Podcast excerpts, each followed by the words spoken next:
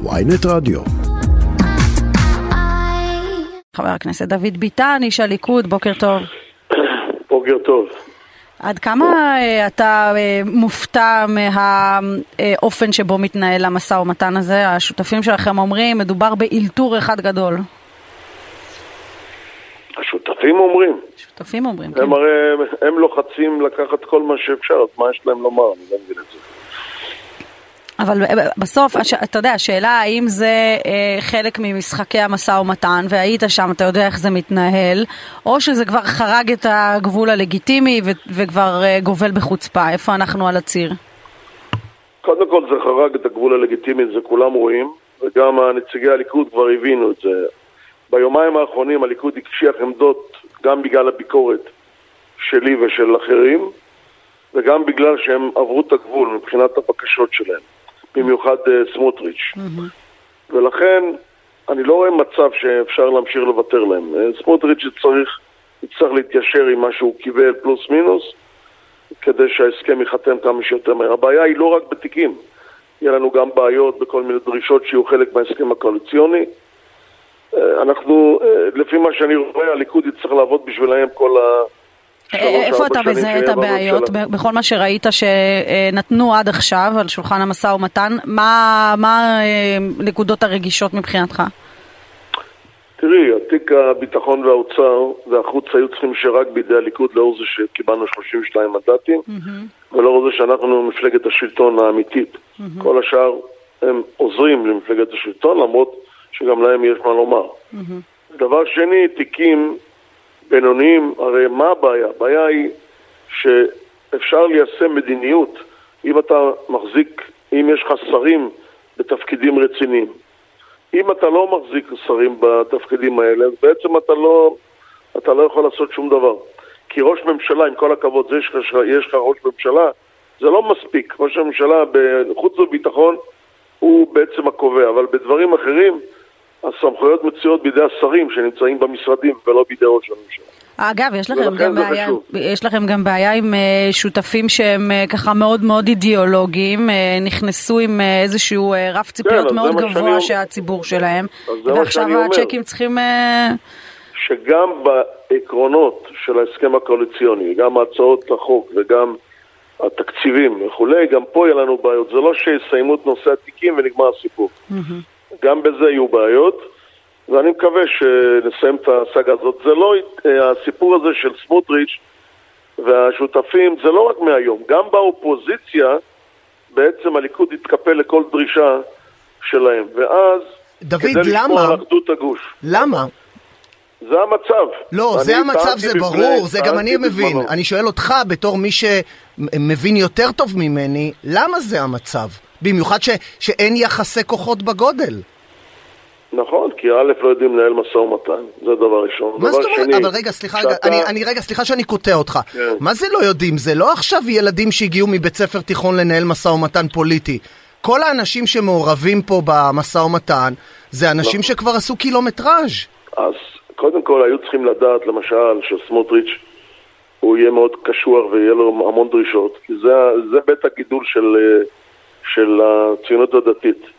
הם גם עשו את זה בעבר.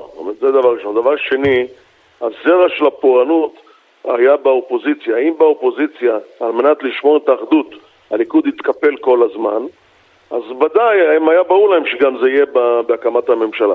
אתה לא יכול להתחיל באיזשהו מהלך, וזה בסופו של דבר משפיע. כל ההתנהלות משפיעה על, ה- על הסיום של, ה- של העניין הזה, והתחילו לא טוב את המשא ומתן. היו צריכים מראש לבוא ולומר, רבותיי, שלושת התיקים האלה הם לא במשא ומתן. תאמין לי שגם להם אין אלטרנטיבה, לא רק לליכוד. לא, זה ברור, זה אין לי. ספק, אבל כשאתה מסתכל על, על ההרכב של מי ש... לא, אתה יודע מה, לא ההרכב רק, מי שנותן את הטון בניהול המשא ומתן. אז מי כאן כושל? מי שיושב בחדרי המשא ומתן? מי אני שקובע לא את רוצה, האוויר? אה, תשמע, אני לא רוצה עכשיו, יגידו לי, אתה, הנה, אתה רואה, אתה תוקף את זה ותוקף את זה. בגדול, כל מי שעיניו בראשו מבין שזה לא גליק גדול, התוצאה של המשא ומתן היא לא כל כך לטובת הליכוד, וזה חבל מאוד. אז אם אתה מסתכל מבחוץ על העניין, יכול להיות, שאני שם רגע את, ה, את הסיסמה שותפינו הטבעיים בצד, יכול להיות שמבחינת האינטרס של אה, ניהול מדינה, היה יותר קל ויותר נכון לליכוד, לדוגמה, לעשות קואליציה עם שותפות כמו המחנה הממלכתי ויש עתיד? לא, אי אפשר לעשות, הם לא מוכנים. תראה, ברגע שהם שמו את הדבר העיקרי במדינת ישראל, המשפט של נתניהו, אז אין שום אלטרנטיבה אחרת. הם הבעיה, לא אנחנו הבעיה. הם לא מוכנים לשבת בשום מקרה. אבל אתה אומר, אם זה לא- מוסר, אם זה מוסר, אז למעשה זאתי הקואליציה הטבעית והנכונה. אני לא יודע מה טבעי. אנחנו אה, הלכנו עם, ה, עם הגוש הזה, ואנחנו, באופן טבעי, יש לנו קשר מאוד חזק. גם באידיאולוגיה, גם בדברים אחרים, אבל אין אלטרנטיבה מהצד השני. הם פשוט מתעקשים באופן מוחלט. לא לשבת עם נתניהו. טוב, הם, טוב, הם, הם עדיין בכל. מלקקים את הפצעים מהממשלה ההיא לא, לא, לא, שהקמתם זה עם גנץ, אבל שלהם, זה לא רק הם מלקקים פצעים. גם אתם. הם, אה, מה זה, אנחנו לא אמרנו את זה אף פעם, אנחנו לא פסלנו אף פעם מישהו. אוקיי. הם פוסלים את נתניהו. חבר הכנסת ביטן, מעניינת אותי שאלה ברמה האישית. אה, בתקופה האחרונה אתה לא חוסך ביקורת כשיש לך, לא מראש התנועה שלך ולא מאיך שמתנהלת התנועה שלך. אה, איך זה עובד מאחורי הקלעים? אתה מקבל מסרים, תרגיע או, או דברים מהסוג הזה, או לא שהביקורת היא יודע. בסדר, לא, היא לא, לגיטימית? אני לא מקבל. אני, תראי, יש סיסמה. ברגע שיש ביקורת, אז ישר מתחילים ההתקפות של כל מיני אנשים אה, פעילים כביכול, שאומרים להם תתקפו את ביטן. אני מודע לעניין הזה, אבל אה, אני, הביקורת שלי עניינית, למה? אתה, אתה חווה לא מתקפה הולך- עכשיו? אתה מרגיש שאתה חווה מתקפה בגלל הביקורת שאתה משמיע? ודאי, מה, את חושבת שלא? לא מתקפה של נתניהו, אלא את יודעת, של כל מיני אה, אנשים, אבל, אבל בגדול... לא, אבל חטפת גם ממנו בפריימריז, צריך להגיד גם את זה. אז אה, חטפתי כבר, אני לא מתרגש מזה. עובדה שנבחרתי גם בלי התמיכה שלו. הוא צריך להסתכל בראי ולהגיד למה לא תמכתי בביטן, שביטן תמך בי ברגעים הכי קשים ותמך בי משנת 92. זה בעיה שלו, לא בעיה למה באמת הוא לא תמך בך? אני זוכרת, אני הייתי בכנסת, סיקרתי את הימים האלה שנשכבת כן. על הגדר בשבילו, וברגע האמת זה התהפך. אה, אתה יודע להסביר אה, למה זה קרה? ודאי אני יודע. אמרו לו אה, כל מיני ח"כים שרצו להזיז אותי הצידה וכל מיני אנשי לשכה. אמרו לו, ביטן חזק מדי, ביטן רוצה להכניס כל מיני חברי כנסת, מקים סיעה בתוך סיעה, כל מיני קשקושים שהם לא היו נכונים. כי העובדה שאני תמיד תמכתי בו. אז מה, כל מה שאומרים לו הוא? מאמין? זה הבעיה שאנשים שנמצאים בהנהגה הם לא... רגע, מה זאת אומרת? תמיד. ביטן באמת חזק, פוליטית. לא שאני אומר התכוון להקים סיעה בתוך סיעה, אבל מבחינה פוליטית אין ויכוח, סליחה שאני אומר שפחך הפוליטי בפניך, חבר הכנסת ביטן, אבל הוא דמות דומיננטית, הוא דמות גם שהעבירה מסרים לא, לא בסגנון המתלהם והצרכני שעושים אחרים. ואז מבחינה פוליטית זה אדם עם משקל סגולי גבוה. אז לכן אמרו לו, שכנעו אותו שזה לא טוב לו, ו- ואז הוא החליט לשנות את הגישה אליי. זה אומר שגם אתה משנה. את הגישה אליו עכשיו בקדנציה לא, הזו?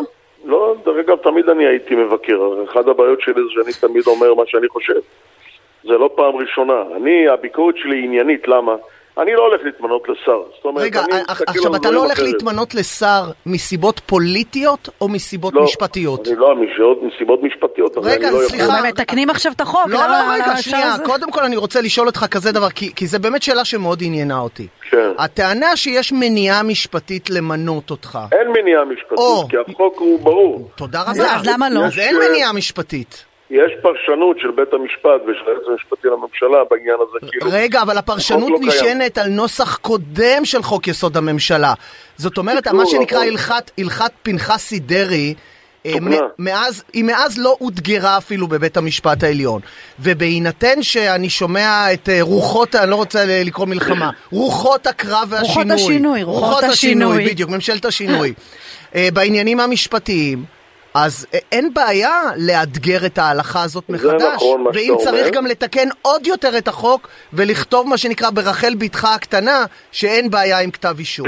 זה נכון מה שאתה אומר, אבל אני לא מצפה שיעשו את זה בשבילי. למה? דרעי, כן. אני לא מצפה, ואתה יודע מה, גם אני לא רוצה שיעשו את זה בשבילי.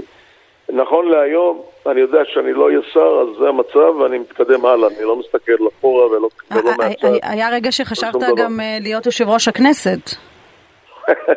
את יודעת שלא ייתנו לי, אז אני לא מבקש משהו שאני יודע שלא ייתנו לי. אבל, אבל אה, זה מעניין אותי לדעת איך זה עובד. נתניהו, לצערי הרב, צריך כן. לאחד את השורות. הוא המנהיג המפלגה, הוא נבחר כמועמד לראשות ממשלה מטעמנו. הוא צריך לאחד את השורות בליכוד, ולא להתחיל להתעסק בכל מיני התחשבנות קטנונית, אבל... שבעצם אין לה מקום בתוך הליכוד. ולכן, אני לא מצפה שאני אוכל להתמנות ליושב ראש כנסת, כי אני יודע שלא ייתנו לי, ואחר אני גם לא מבקש. אבל לא חבר הכנסת ביטן... שמבקש רק כדי לבקש. ברור, אבל אה, בעוד אה, אני יודעת מה יום-יומיים, אה, יחל נתניהו את סבב הפגישות שלו עם אנשי הליכוד, והוא יקרא גם לך, כמו שהוא קורא לכולם, ורוצה לשמוע מה, איך הם מתכננים את הקדנציה שלהם קדימה, ואז מה תגיד לו? אני לא רוצה תפקיד?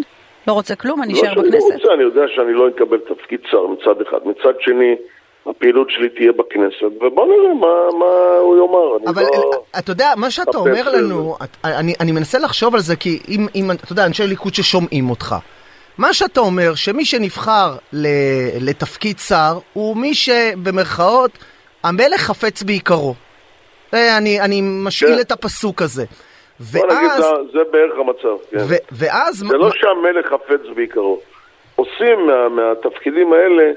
אה, כל מיני מניפולציות פוליטיות. במקום לאחד את הליכוד ולתת למי שצריך לתת לו, בלי שום התחשבנות פוליטית קטנונית, אין שום צורך בזה. Mm-hmm. זה לא נותן כלום, לא לליכוד ולא לאף אחד. אז הקריטריון הוא לא, לא בהכרח כשירות ויכולת, אלא הקריטריון הוא אה, מציאת החן בעיני מי שממנה.